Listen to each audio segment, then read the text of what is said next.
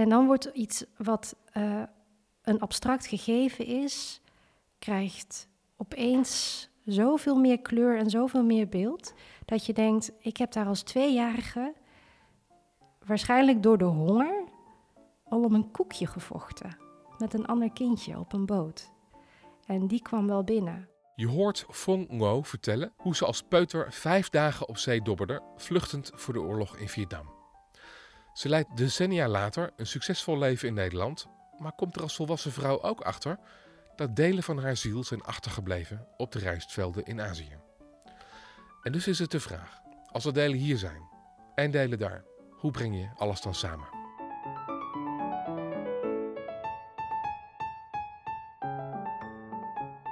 Je luistert naar Podcast Ui, de plek waar we schilverschillend leven afbellen en met de snippers van die ui het hele leven op smaak brengen.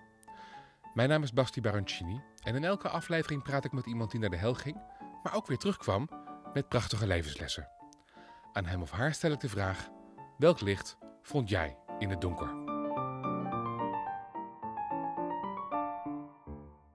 Um, ik wil graag een gedachte-experiment met je doen. Is dat oké voor je? Ja. Goed. Jouw hart is niet alleen een orgaan wat in een hele rustige cadans bloed rondpompt door jouw lichaam, maar het is ook een kasteel. Een kasteel? Een kasteeltje. Een, een, klein kasteeltje. Niet te groot, niet te klein, het is een kasteeltje. Als we dat kasteeltje binnengaan, welke ruimte of welke kamer is er dan voor Nederland? Mm. Mm, de rechterkant. Oké, en hoe ziet die eruit? De rechtervleugel. Die is uh, vrij uh, overzichtelijk. Um, kleine kamers, mm, rechte lijnen, uh, grote ramen, grote vensters. Helder, rationeel, mm, overzichtelijk, eenvoudig en um, niet zoveel tierenlantijntjes.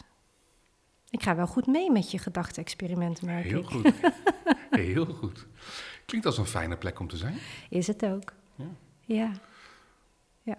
Is de linkerkant van het kasteel, is dat dan Vietnamees? Um, de linkervleugel?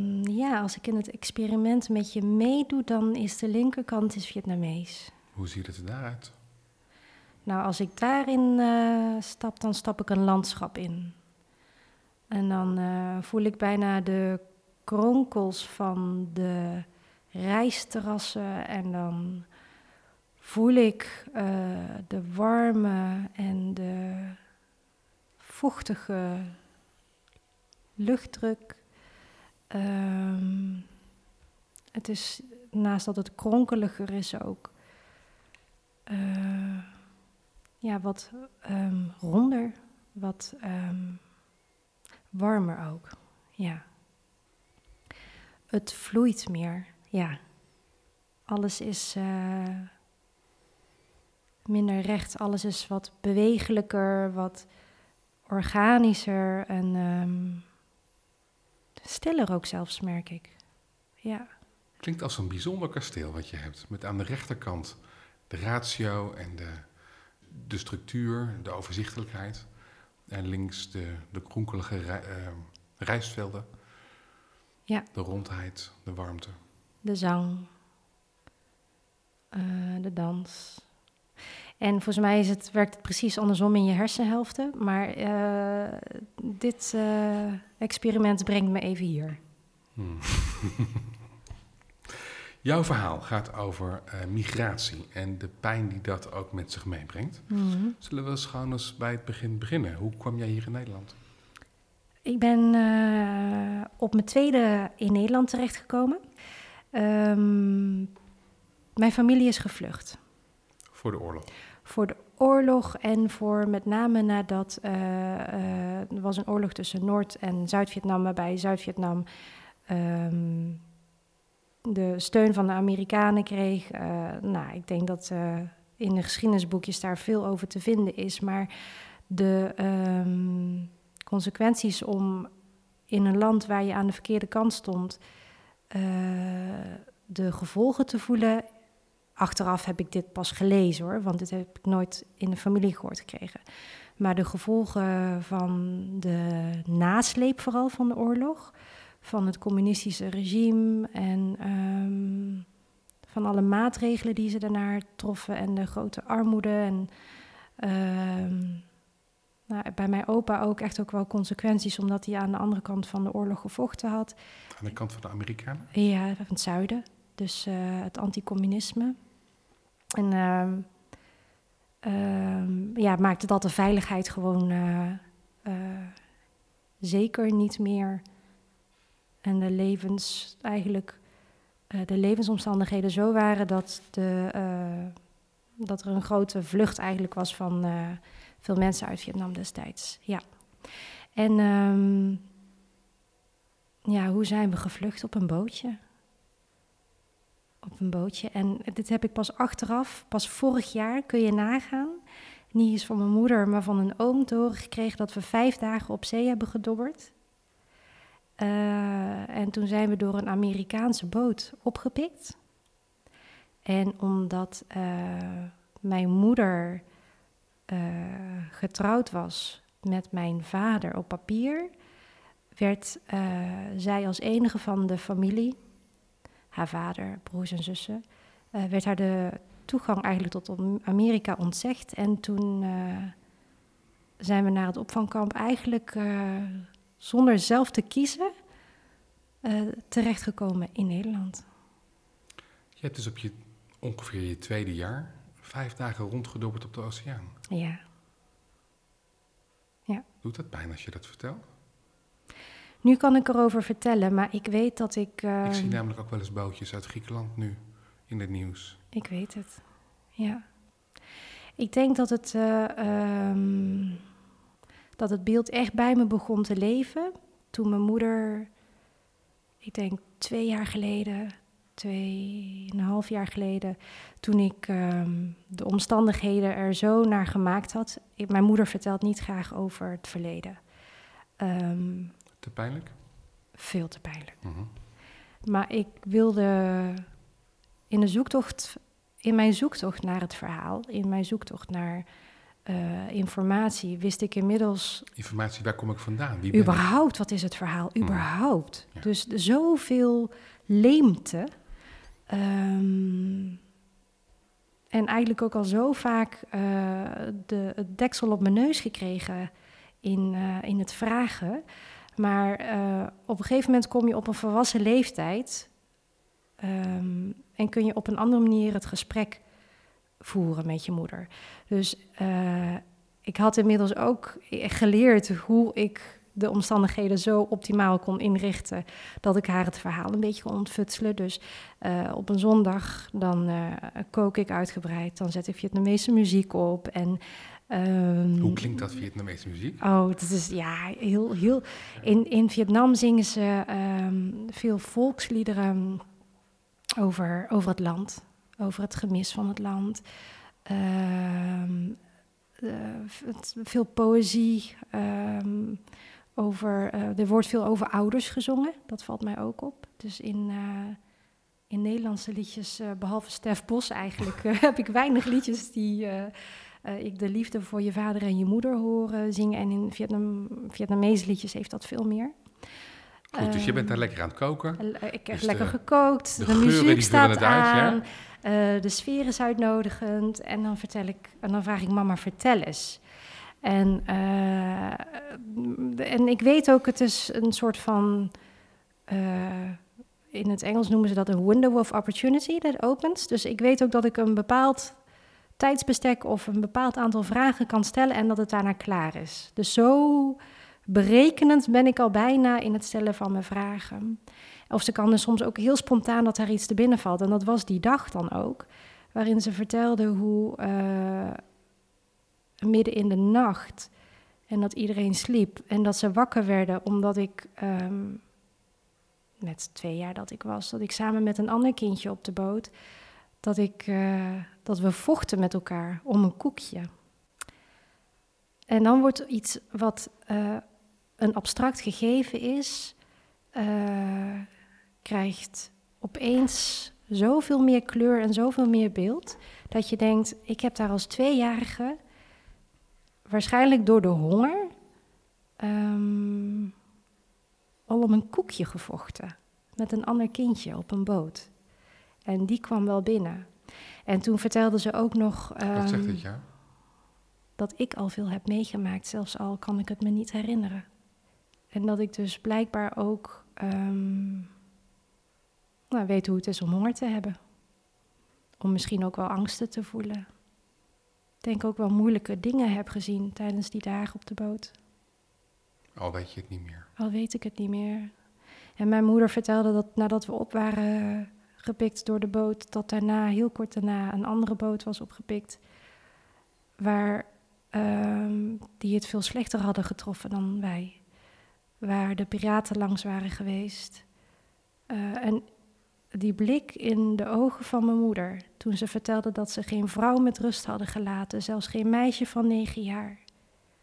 En um, de pijn die ze zag bij de mensen die op dat bootje waren opgepikt. Dat zijn details die um, ik nog niet eerder gehoord had. En wat je nogmaals doet beseffen, wat een geluk je dan hebt. Op welk moment ben jij op zoek gegaan naar waar je vandaan komt? Was er een, een moment dat je zei, nou moet ik het uitzoeken? Ik deed een uh, driedaagse training. En die training die, uh, maakte heel veel gebruik van oefeningen met het onbewuste. Dat moet je nooit doen. nou, dat blijkt. dat heb ik geweten. Geeft alleen maar ellende. Dat... Wat, wat gebeurde daar? Ik werd toen voor het eerst zo enorm geconfronteerd met mijn Aziatische achtergrond. En ik weet dat we drie dagen voor die training hadden. En bij de eerste oefeningen dacht ik nog, oké, daar moet ik wat mee. Uh, en bij de tweede dag van, oké, nou weet ik het wel. En na de derde dag dacht ik echt van, jeetje, joh, weet je, is nou nog niet afgelopen. Maar waar werd je zo in geraakt op dat moment? Is er een gebeurtenis of een bepaald moment? Ik denk... Uh, het signaal dat uh, ik het Aziatische deel in mij, uh, of nou dat het zo, me zo hard riep, dat was een signaal. En um, toen ik later tijdens een, uh, een systemische transculturele dag eigenlijk ook nog wat meer begrip en kader kreeg bij wat het betekent om verplaatst te zijn Um, en dat je dus ook kunt rouwen om iets wat je helemaal niet kent, of waarvan je niet wist dat je het gemist had. Uh, die combinatie bij elkaar maakte dat de zoektocht uh, behoorlijk intensiever werd. Ik dus kwam er eigenlijk niet meer onderuit. Je moest wel. Daar gaan we het zo direct uitgebreider over hebben. Nog even over het verschil hè, tussen Vietnam en Nederland. Ik ben mm. daar nog nooit geweest. Uh, jij wel? Ook weer terug geweest, neem ik aan? Ja, al is dat even geleden. Ja. Uh, Vietnam is een land van rijstvelden. Uh, Nederland is een land van aardappelvelden. Ja. Wat is het verschil eigenlijk? In wat? Waarin niet? is er een groot verschil? Ja, het zijn twee totaal verschillende systemen. Het ruikt anders, het beweegt anders, het voelt anders, het pulseert anders, het communiceert anders, het relateert anders. Wat bedoel je met het pulseert anders? Wat, is het, ehm, wat is het levensritme daar? Het levensritme begint sowieso heel vroeg. Uh, ze leven daar, omdat het daar zoveel warmer is, al um, in de vroegte van de ochtend. Dus om vier uur, vijf uur ochtends al. En als het al tien uur is, dan heb je bewijzen van al een hele dag erop zitten. Um, en dan doen mensen ook minder, omdat het gewoon echt enorm uh, warm is. En dat, uh, weet je, dat zie je in de warme landen ook waar de siestas zijn. En dat rekt zich dan een beetje uit weer tot een uur of drie. En dan begint er een soort van tweede golf van levendigheid. Uh, en dat loopt dan afhankelijk van waar je woont. Want het valt me wel op dat de zon daar echt ook... Dat kan daar al rond zes uur s middags echt heel donker zijn. Um, ja, in de grote steden gaat het nachtleven door. En in de kleine dorpjes worden de luiken dan rond acht uur naar beneden getrokken en trekt iedereen zich terug. en gaat op tijd naar bed. Wat is het verhaal in Vietnam? Het nationale verhaal. Kijk, als we naar Nederland kijken, dan is het uh, in geval van, van, van oudsher, het is heel Calvinistisch. Hmm. Dus uh, laten we zeggen, in het, in het, hoe zeg je dat? In het zweet des aanschijns zult gij brood verdienen, hard werken en voor de rest uh, naar de kerk in je mond houden. dat is inmiddels wel een beetje anders, maar nog steeds is dat, hè, zijn er trekken te vinden van ons nationale verhaal. Wat is het verhaal in Vietnam? Waar gaat het om? Ik denk dat Vietnam het land van veerkracht is. Um, ik zei laatst, ik vind het ook een, land dat nu een beetje in de war lijkt, maar dat is misschien mijn versie. Maar we zijn zo.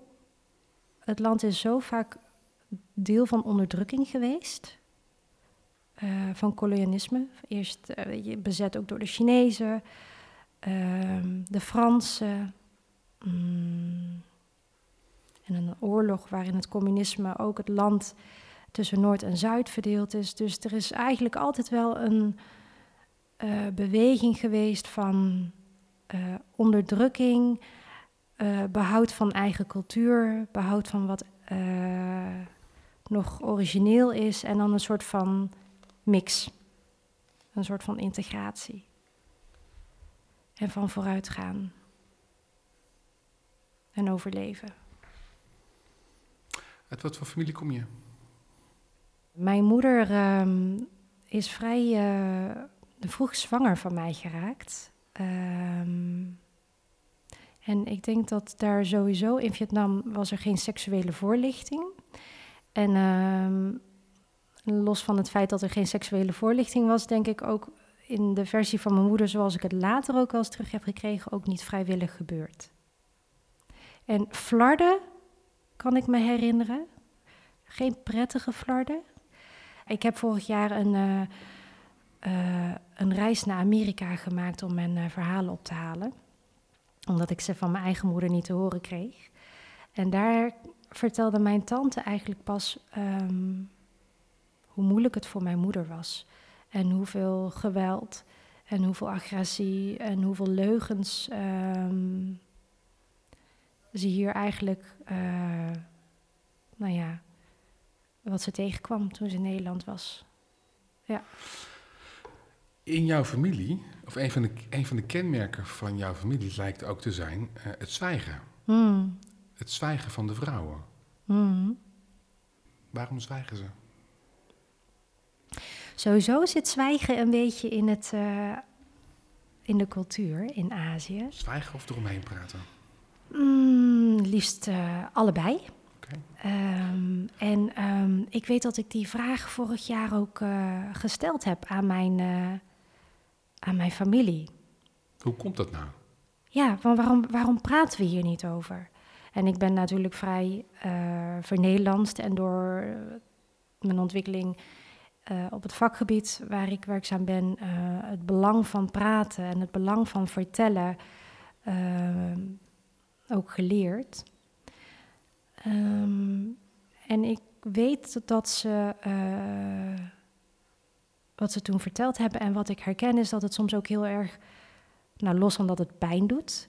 Dat het uh, dingen die geheim zouden moeten blijven om de eer hoog te houden, om een naam hoog te houden, uh, dat, ze die, dat, dat dat daarmee onthuld wordt. En ook nog eens een element wat ik niet wist, is dat ze dachten: als we erover praten, dan uh, brengt het misschien ook nog eens ongeluk. Dus het is een land dat natuurlijk heel erg heeft overleefd door voorwaarts te gaan en door vooruit te kijken en door te bouwen. En um, als je stil blijft staan en de pijn voelt en vertelt wat je niet uitkomt of wat wel misschien tegen je gebruikt kan worden, dan zet het een aantal stappen achteruit. Of het vraagt in ieder geval iets van je wat je niet voorwaarts brengt. Of wat. Um... In je ontwikkeling, ja. Hmm. Waarover zwijgen ze? Heel veel over. Of breng je uh, dan in gewetensnood? Nee, waar, waar, de, nee, um, waar over gezwegen wordt is. Uh, ja, ik denk bijna over zoveel. over, uh, over verlies dat de oorlog met zich meeneemt. Dus letterlijk ook. Het verlies van. Um, Nou, van eer. Als, een, eh, als zoals ik mijn moeder ehm, en haar verhaal beluister, eh, iets waar veel schaamte op zit. We hadden wat ingewikkelde familieverhouding tussen mijn opa en mijn oma en eh, haar zus. Ehm, Eigenlijk als ik je zo hoor, hoor ik over alles wat pijn doet. ja, ik denk dat je het zo goed samenvat. Jij bent hier eh, gekomen in Hmm. Nederland toen je eh, twee jaar oud was. Mhm. Ben je helemaal aangekomen? Steeds meer. Maar dat is een vraag die me wel heeft bezig gehouden. Ehm, Welke delen zijn aanvankelijk achtergebleven? Of is dat moeilijk om dat met woorden... Is dat, is dat, is dat weer heel Nederlands om dat met woorden te vatten? Eh, nee, want ik heb het kader gelukkig uit Nederland gekregen. En wat ik, eh, Oh. wat ik zo verrassend vond om te leren, is dat je door eh, onvrijwillige verplaatsing, dat als je kijkt. Onvrijwillige verplaatsing? Ja, dat is Ja. even een heel erg. Dat is een prachtig woord om aan te geven wat het eigenlijk is. Ja. ja. want niemand. Laat- graag voor de oorlog. Nee, Nee. en niemand laat graag eh, zijn Huis hele huis en haard en alles wat je kent achter om het eh, onbekende tegemoet te gaan. Er moet heel veel eh, levenswil en, en, en, en ehm, levenswens ook eigenlijk aan ten grondslag liggen. Ehm, maar wat ik heb geleerd is dat daarmee, als je kijkt naar het holistische beeld dat we mens, eh, nou weet je, niet alleen ons lichaam zijn, maar ook een geest en een ziel. En de integratie daarin eh, ons heel laat zijn en eh, volledig laat aankomen in waar we zijn. ehm, dat daar delen achterblijven. Welke delen van jou zijn er achtergebleven? Nou, mijn fysieke lichaam is hier. Ja. Maar ik kan er geen lijn omheen zetten, want dat is dat onbewuste waar ik geen herinnering ook op heb. Maar de, ik denk wel delen van mijn ziel. En delen van mijn zijn. Delen van je ziel en van je zijn Ja. waren daar of zijn daar? Als ik rationeel zou antwoorden, zou ik zeggen, waren daar. Maar iedere keer als ik nu ook met eh, het werk dat ik doe, als ik het onbewuste eh, zijn gang laat gaan, in welke oefeningen dan ook, ehm, dan word ik met het andere geconfronteerd. Hoe merk jij dat praktisch in jezelf, dat delen zijn achtergebleven? Of waren achtergebleven? Nou, weet je hoe ik het merk bijvoorbeeld? Ik had eh, een paar weken geleden een diploma-uitreiking. En ehm, van iedereen werd de naam voorgelezen. En ik heb al mijn namen had ik doorgegeven om op een papiertje te zetten. En de opleider die eh, vroeg me om mijn eigen namen voor te lezen. En toen las ik mijn eigen namen stuk voor stuk voor in de groep. En toen merkte ik dat ik al wegreisde. Dus dan woon ik in een land waar ik de taal heel goed spreek. En waar ik mensen zelfs in train. Maar die mijn naam niet uit kunnen spreken. Dus net als de... Ik heb het je ook twee keer gevraagd vandaag. Ja, maar dan geef ik je de Nederlandse variant. Omdat de Vietnamese variant niet uit te spreken is. Voor Nederlanders. Maar dan voel je je thuis in een land Breng ik je in verlegenheid als ik je vraag om je, nu je naam uit te spreken? Nee. Mijn, mijn voornamen zijn. eh, eh, Vietnam heeft vaak een combinatie van twee voornamen. En, eh, eh, en dan een roepnaam. Maar mijn naam is Gan Phu. Ja, ik, ik, ik kan het voordoen, maar het zijn klanken die niet in de Nederlandse keel klinken. Ehm, maar als je me vraagt, wat mis je dan? Dan mis ik het soms om bij mijn eigen naam genoemd te worden. En het raakt iets heel diep. Ik heb wel eens gehoord een vergelijking van iemand die zei: eh, Je naam, Ja, je echte naam, ja, is als een postbus van het universum. ja. Er is er echt maar, er is er echt maar één en die is echt voor jou. Ja, En als je die dan verandert, eh, om praktische redenen in dit geval, dan wordt de echte postbus niet geadresseerd. nou dan heb ik heel veel postbusadressen gehad. Wat ook zorgt voor verwezenheid. Denk ik. Ja, en ehm, daarmee ook misschien ook wel niet eh, een rechtlijnig verhaal dat verteld kan worden. Uh, en misschien daardoor ook wel, als je zegt, um, een zoektocht naar jezelf, uh, meer lagen om doorheen te zakken. Meer verhalen en meer fragmenten die bij elkaar gezocht moeten worden. Dus um, geen rechtlijnige rechterkant van de kamers. Dus als ik de korte versie doe, dan zeg ik voel. Dan zijn we klaar. Als ik de lange versie doe en als ik je meeleid naar de andere kamers, dan zijn we er niet binnen een half uur. Maar daarom kies ik dus om de ophaalbrug soms wel en soms niet naar beneden te doen. Het is niet een heel simpel verhaal dat ik makkelijk um, even bij een wijntje zo op een borrel vertel. Dan zou ik mezelf ook geen recht aan doen. En mijn geschiedenis ook niet. Daar neem ik mezelf te serieus voor, inmiddels. Deze meerlagigheid, hè? Mm. Uh, veellagigheid. is, dat een, uh, is dat een feestje van rijkdom?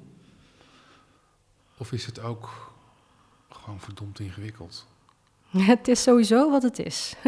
ja, dat is En um, het brengt mij ontzettend veel nuances.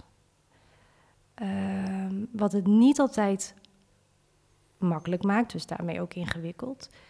Maar um, het is als een heel groot palet van kleuren. Wat ik met me meedraag. Waarmee je dus enorm complex kunt, complexe beelden, rijke, meerlagere beelden kunt maken. Ja, en waar ik steeds uh, meer in leer te kiezen. Dus uh, als ik het niet zou weten, dan zou ik. Uh, dan zou ik het niet eens zien dat het zoveel kleuren heeft. Maar als ik inzoom, hmm. dan heeft het een bepaalde kwaliteit, een bepaalde voelskwaliteit, een bepaalde zijnskwaliteit. En als ik uitzoom, dan komt daar begrip bij, dan komt daar een uh, collectief kader bij, dan komt daar een grote beweging bij en dan komt er ook begrip komt er nog eens bij. Ik sprak uh, Hilbrand Westra. Hij is jouw uh, opleider in systemisch werk en de deskundige in Nederland als het gaat om uh, migrantenpsychologie. Hmm. En ik heb hem een korte vraag gesteld. Dat heeft een effect op bijvoorbeeld het kunnen aankomen in het nieuwe land. En het aankomen in het nieuwe land is vanuit de systemische optiek niet zozeer letterlijk dat het lijf hier aankomt, maar alles wat het lijf met zich meebrengt, hè, dus de volle zintuigelijkheden van het lijf, of die zeg maar volledig uh, functioneel zijn in het nieuwe land en zich op een natuurlijke manier kunnen ontplooien. En wat we zien namelijk is dat dat vaak zeg maar beperkt is. Nou, bijvoorbeeld vanuit de systemische optiek zouden we kunnen zeggen dat er een groot deel van het zielsdeel, de oorspronkelijke zielsdeel, dat die achterblijft. Dus zeg maar dat, dat het uh, fysieke en, en deels het emotionele lichaam verplaatst, maar dat er een, een, een, niet-fysisch deel, hè, dus uh, het immateriële lichaam zoals we dat wel eens noemen, en een deel van die emotie achterblijft. Uh, en dat is dan niet hier aanwezig. En daardoor kunnen heel veel migranten niet tot volle potentie komen. Nou, uh, wat, bijna alle migranten voor opgave hebben, is eigenlijk uh, het, verlies aan te gaan. Want het verlies is existentieel. En dat kan niet vervangen worden door wat dan ook. Dus het is een, het is een kwestie van verlies en rouwwerk eigenlijk, maar dan op, op migratiegebied er zijn bepaalde dingen die je niet meer zeg maar, uh, op de oude manier terug zult kunnen vinden hier in Nederland. Oh, wil je daar antwoord op? Heb jij dat rouwwerk al gedaan? Um, ik weet niet of je daar ooit helemaal klaar mee bent. Of dat ik er ooit helemaal klaar mee ben. Maar ik weet wel dat ik dat vorig jaar letterlijk in mijn lijf heb gevoeld. Het verlies? Uh, het verteren van uh, het verhaal en daarbij het nemen van het verlies. Hij, die, die, die migrantenpsychologie of migrantentrauma of mm. uh, trauma die meekomt met migratie, zoals jij dat liever noemt. Waar gaat dat over? Wat is de kern van wat je moet doen als je onvrijwillig verplaatst bent? Nou, wat je moet doen is, uh, vind, oh sorry, wat je moet doen vind ik moeilijk om te uh, beantwoorden wat een ander moet doen, maar wat wel helpt is in ieder geval het aankomen en het wortelen hier. En uh, ook op een manier die zowel zorgt dat je hier kunt zijn en aangepast hier bent en tegelijkertijd heel dichtbij geïntegreerd en ook um, trouw aan eh, het land waar je vandaan komt. Je geboorteland. Dat klinkt als een spagaat. In ieder geval als een heel complexe opgave. Niet rechtlijnig weer, nee. En uh, on, on, onderzoekend. Um, als in allebei. Wat bedoel je allebei? Dat het uh, en, uh, en hier en daar. Ja, en het ene moment van het gesprek kan ik hier zijn en het andere moment kan daar zijn. Of ik kan antwoord geven vanuit het ene gedeelte of antwoord geven vanuit het andere gedeelte. Laat jij die verschillende gedeeltes, het Nederlandse deel, het Vietnamese deel, het hybride deel, voel je daar ook wel eens een gesprek mee? Ja. Hoe doe je dat dan? Zet je ze alle drie aan tafel, geef ze een kop thee? Of, of hoe, hoe, hoe voer je zo'n gesprek? Ik weet niet of ik het letterlijk een gesprek laat voeren, maar ik kan het, uh, en dat is iets wat was, ik doe het nog niet zo heel lang. Um, nou, iemand zei een keer tegen mij: uh, Het lijkt als ik jou hoor praten, soms wel alsof ik naar een vertaling luister. En toen dacht ik van ja, als ik denk, als ik rationeel denk, dan doe ik dat in mijn hoofd en dat, dat voelt heel Nederlands. Maar als ik me laat vervoeren naar um, iets wat me heel diep van binnen beweegt, en letterlijk soms ook, uh, dan komt dat van een plek wat lager ligt in mijn buik ook. Of uh, op een andere plek in mijn lijf. En het beweegt ook anders. Ik zie jou ook je hoofd nu uh, mee bewegen. Zijn daar de rijstvelden? Um, ja. En dan kan ik steeds meer ook toegang tot krijgen. Want je kwam hier, dan moet je in het kader van overleven, moet je je gaan Ja. aanpassen. Dat is gewoon assimileren, meedoen met de Nederlandse cultuur. ja, Dan word je ouder. Ja. Eh, ik wil niet zeggen dat je oud bent, maar je wordt... eh, je, volwassen. Ja, en dan, eh, dan ga je dus dat Vietnamese stuk er weer bij uitnodigen. Ja. Dat gaat in, en dan die Vietnamese stem in jezelf herkennen, Mhm. voeden, laten praten, serieus nemen. ja. Dat, gaat, dat, is, dat gaat niet vanzelf, denk ik. Nee, dat gaat. Nee. Dus ik ben veel aan het lezen. Mhm. Eh, sowieso. Van eh, Vietnamese schrijvers? Ja, eh Vietnamese schrijvers in, in, vooral in Amerika nu, die dus eigenlijk de tweede generatie zijn en die dus de vragen kunnen stellen, Ja. inderdaad. Want de eerste generatie vindt het moeilijk om erover te vertellen. Ja. De eerste generatie moet je altijd opgeven. maar dus je, leert, dus, dus je leest die tweede generatie schrijvers om ook de stem, de ziel te voelen. Ja, het ritme, de taal, de woorden, eh, hun perspectief. Eh, ik luister naar podcasts. Ehm, ik, ik luister meer naar de muziek en ik ben scherper op wat het met me doet. Ehm, ik durf er meer over te vertellen en durf er meer over te vragen. Dus ik ben gewoon meer op onderzoek uit. In mezelf en in mijn omgeving. Ja, en ehm, het werkt ook besmettelijk. Dus het, het feit dat ik dat doe, eh, zorgt ook voor andere gesprekken met de mensen om me heen, Oh, merk ik. hoe werkt dat? Het feit dat ik die zoektocht zo aanga en dat ik bijvoorbeeld eh, mensen vraag hoe zij ernaar kijken of hoe bewust zij ervan zijn, opent nieuwe gesprekken. Eh, ik ken heel veel mensen van mijn omgeving, eigenlijk iedereen in mijn omgeving, die dit vrij onbewust leeft. En het als een gegeven ziet dat je bijvoorbeeld of uit een andere land, uit een andere cultuur komt, of dat je gemixt bent. Hmm. Uh, maar het feit dat het nog zoveel met je doet en het feit dat het ook nog op zoveel met of ja tot zoveel generaties doorwerkt en wat je doorgeeft um, en, en, en daarover vertellen en, en daarover uh, samen zoeken. Ik merk dat mensen het, het triggert mensen. Je hebt in elk geval bij mij iets aangezet.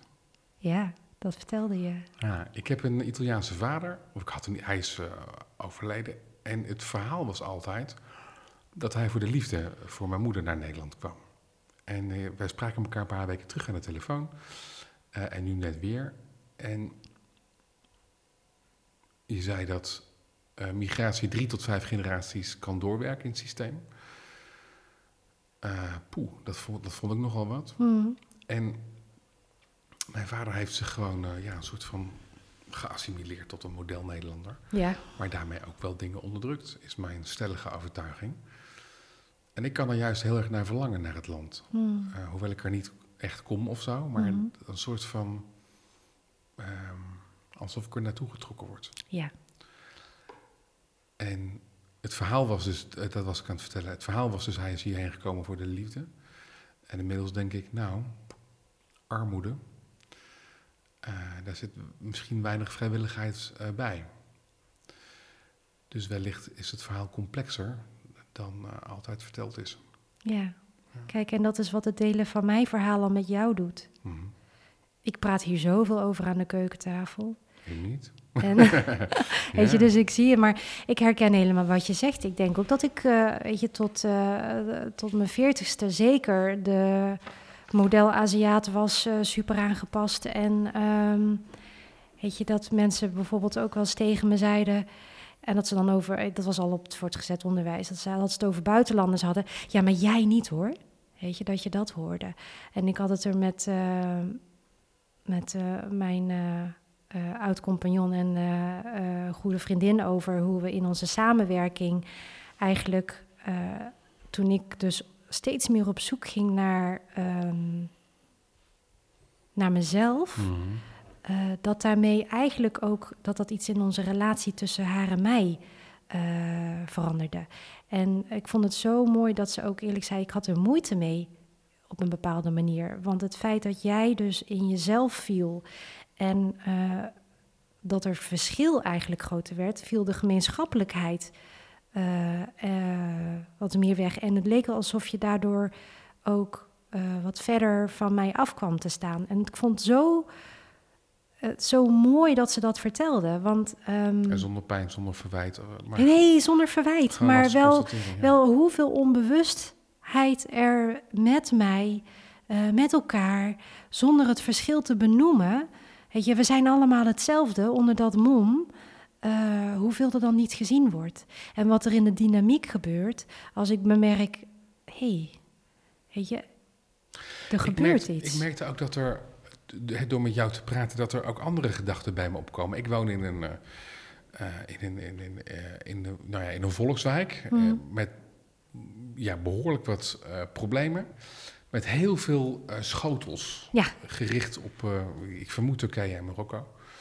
En dat, v- ja, dat vind ik dan vervelend. Want ik denk, ja, wat, eh, het ziet er allemaal niet uit. Ja, gewoon zo die... eh, en nu denk ik, ja, maar dat is eigenlijk heel gezond als ik nu met jou praat. Het is, of nee, gezond, het is in elk geval een teken dat mensen ook nog verbonden zijn met daar. Oh ja, dat dat is ook een mooie wel- schoonheid. Het heeft ook wel weer een andere kant hoor. Want het, eh, weet je, het woord wat ze daar heel erg mooi voor gebruiken is mumificeren. Er is ook een hele generatie van eh, mensen uit een ander land dat, ehm ja, Hilbrand gebruikt het laatst het woord klontert. eh, dat zo klontert en vast blijft houden aan eh, het land waar ze niet meer eh, wonen, maar waar eigenlijk iedere dag als ze opstaan, denk ik, daar eigenlijk nog wel zijn. Ehm, maar dat heeft weer andere nadelen natuurlijk. Dus- Dus Ook daar zitten heel veel, heel veel kleuren in. Absoluut. Hey, we spraken over aankomen Mm, als thema. mm. Eh, ik kan me voorstellen dat vluchten in jouw blauwdruk Mhm. synoniem staat voor overleven. Ja, ik ken veel onveiligheid in mijn, eh, in mijn leven, vooral in mijn jonge jaren. Dus dat was voor mij de basis eigenlijk om. eh, ehm, ja, dat is eigenlijk de achtergrond waar ik in grootgebracht ben. Ja. Hoe vaak vlucht jij voor dingen? Weet je waar ik heel lang voor gevlucht heb? Voor echte intimiteit. Je bent getrouwd. Ja. Ben je voor hem gevlucht? Of Ik, ben onder een bepaalde voorwaarden wel met hem getrouwd. Want ehm, ik kom uit. eh Heeft hem ook een naam? Gaan heet hij. Ja. ja. Onder welke voorwaarden ben je getrouwd met hem? Mm, dat ik wegkom. nee, dat is een beetje te cru gezegd. Nee, nee, nee, nee. Maar in de basis wel. N- Nou, in die zin, ik, eh, ik heb eh, wat, ik, wat, wat, wat me voorgeleefd was, waren twee eh, relaties van mijn moeder die vrij ellendig zijn geweest. Nou, de relatie was wel oké, maar de scheiding was heel ellendig. Ehm, dus ehm, het feit dat een. Weet je, dat je voor elkaar in een huwelijk kiest. Hoe heb jij ehm, geleerd, hoe heb jij geleerd om te blijven ergens? Als vluchten leven is, hoe heb je dan geleerd om te blijven? Nou, ik heb sowieso heel veel. eh, fysiek vooral moeten leren. Mijn lijf is. Ik heb op mijn 14e ernstig auto-ongeluk gehad. Eh 18e versleten heup. eh, maar het thuiskomen in mijn lijf en het eh, heel bewust worden van waar ik blokkeer en wat ik doe als ik pijn heb en eh, wanneer ik vertrek en hoe ik kan blijven, heb ik op die manier, dat was voor mij een ingang. Ja. En daardoor ook, weet je, blokkades en eh, het stoppen van bewegen kan in je lijf, maar dat kan ook in, in, in de Hmm. communicatie zijn, in de relatie met de ander en je daar bewust van zijn. Ehm, als het moeilijk is, eh, dan juist het gesprek opzoeken eh, naar de pijn toe en dat uitspreken. Ik ben er wel achter gekomen dat ik niet bang ben uitgevallen wat dat betreft. Wellicht ook de positieve kant van alles wat je hebt meegemaakt. Ik weet, ik durf te gaan naar waar het onveilig is. Hmm. Omdat je weet dat je daar al geweest bent en, Ja. en overleefd hebt. Ik denk dat ik twee keer de dood onder ogen heb gezien. Namelijk. Ik denk op de boot en met het auto-ongeluk. Dus dan eigenlijk valt alles daarna valt mee. Als het gaat om het onder ogen komen. Ik weet niet of het meevalt. Ik weet niet of het altijd makkelijker maakt, maar het relativeert wel. Ja, dus de bril is minder roze. En ehm, ja, de acceptatie van wat is of van wat je lot is, dat heb ik ook echt moeten leren. Ik heb echt heel lang dat ik het moeilijk vond om, eh, om, om, om, om die, bijvoorbeeld die grote vluchtelingenstroom naar Griekenland, om dat onder oog te zien. Het confronteerde mij zo erg. En het feit waarom bij mij de deur eh 40 jaar geleden open stond en nu dicht, vond ik echt heel moeilijk om, ehm, om te accepteren. En ik weet ook als ik bijvoorbeeld mijn werk doe en eh, ik neem het woord, als ik jou vraag om eh, even je ogen dicht te doen en bij jou een gedachte-experiment uit te voeren. Gaan we dat doen? nu? Ja? ja? En ik vraag jou om eh, de beelden met me te delen die jij krijgt nu als ik het woord vluchteling noem. Hoe ziet dat eruit? Wat voor associaties heb je dan? Ja, dat is misschien niet heel vrij voor jou, maar dan eh, is het eerste wat bij mij naar boven komt, is dat jongetje wat aangespoeld met zijn hoofd in het water ligt. Die foto, die ene foto. Ja. Verdronken van een boot. En dat had ik ook kunnen zijn. En als ik dan mijn werk doe en soms in een kring van mensen die mij niet kennen en die binnen een organisatie bijvoorbeeld werken en iets met hun team of met hun strategie of iets inhoudelijks anders willen doen. En ik doe mijn introductie met, ik ben op mijn tweejarige leeftijd als vluchteling naar Nederland gekomen, dan is iedereen wakker. Want het beeld van wie ze op die stoel zien zitten, dat is niet een associatie bij het woord vluchteling. Mijn zorgvuldig opgebouwde zelfbeeld breekt af. maar, Vertel je nou waar je uit voorleest ook? nou vertel jij maar. Dit is jouw eindwerkstuk. Ja, van een opleiding dat ik eh, voltooid heb. Mijn zorgvuldig opgebouwde zelfbeeld breekt af, maar er is nog geen compleet nieuw beeld voor in de plaats. Dit voelt niet altijd comfortabel, maar ik zou nergens anders kunnen en willen zijn.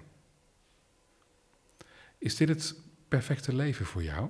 Wat je, wat je nu leidt, inclusief de worsteling? Oh, ik merk dat ik al even struikel op je woord perfecte leven. Is dit het Eh, goede leven voor jou, inclusief de worsteling? Dit is, dit, dit is mijn leven. Dit is waar ik nu ben. En dit is waar ik het in ieder geval... eh, De, de, weet je, de point of no return? Ik denk dat ik die weg heb ingeslagen. Ehm, wat ik voel is dat ik... Ingezet door een zoektocht of een bewustwording van twee jaar geleden... eh, dat dat zo diep op me doorwerkt en dat ik zoveel dingen nu zie, eh, wat nog geen vorm heeft, maar ik, de contrasten, ehm, zowel de rijkdommen als het gemis, ook eh, weet je, als je het hebt over het begeleidingswerk hier. Er, zijn opeens zoveel schakeltjes die en aangaan en nog steeds op zoek gaan. En dat continu heel de dag of door een week door elkaar heen. Uh, dat is een proces. Het is een proces van wie ik ben en waar ik sta en hoe ik me tot de wereld en de mensen om me heen en in wat ik uitdruk of wat ik doe of waar ik mijn geld mee verdien. Weet je, dat, dat, dat is vervlochten met elkaar. Helder. Ja? Fong, wow. Dankjewel. Oké. Okay. Dankjewel. Ja, jij ook.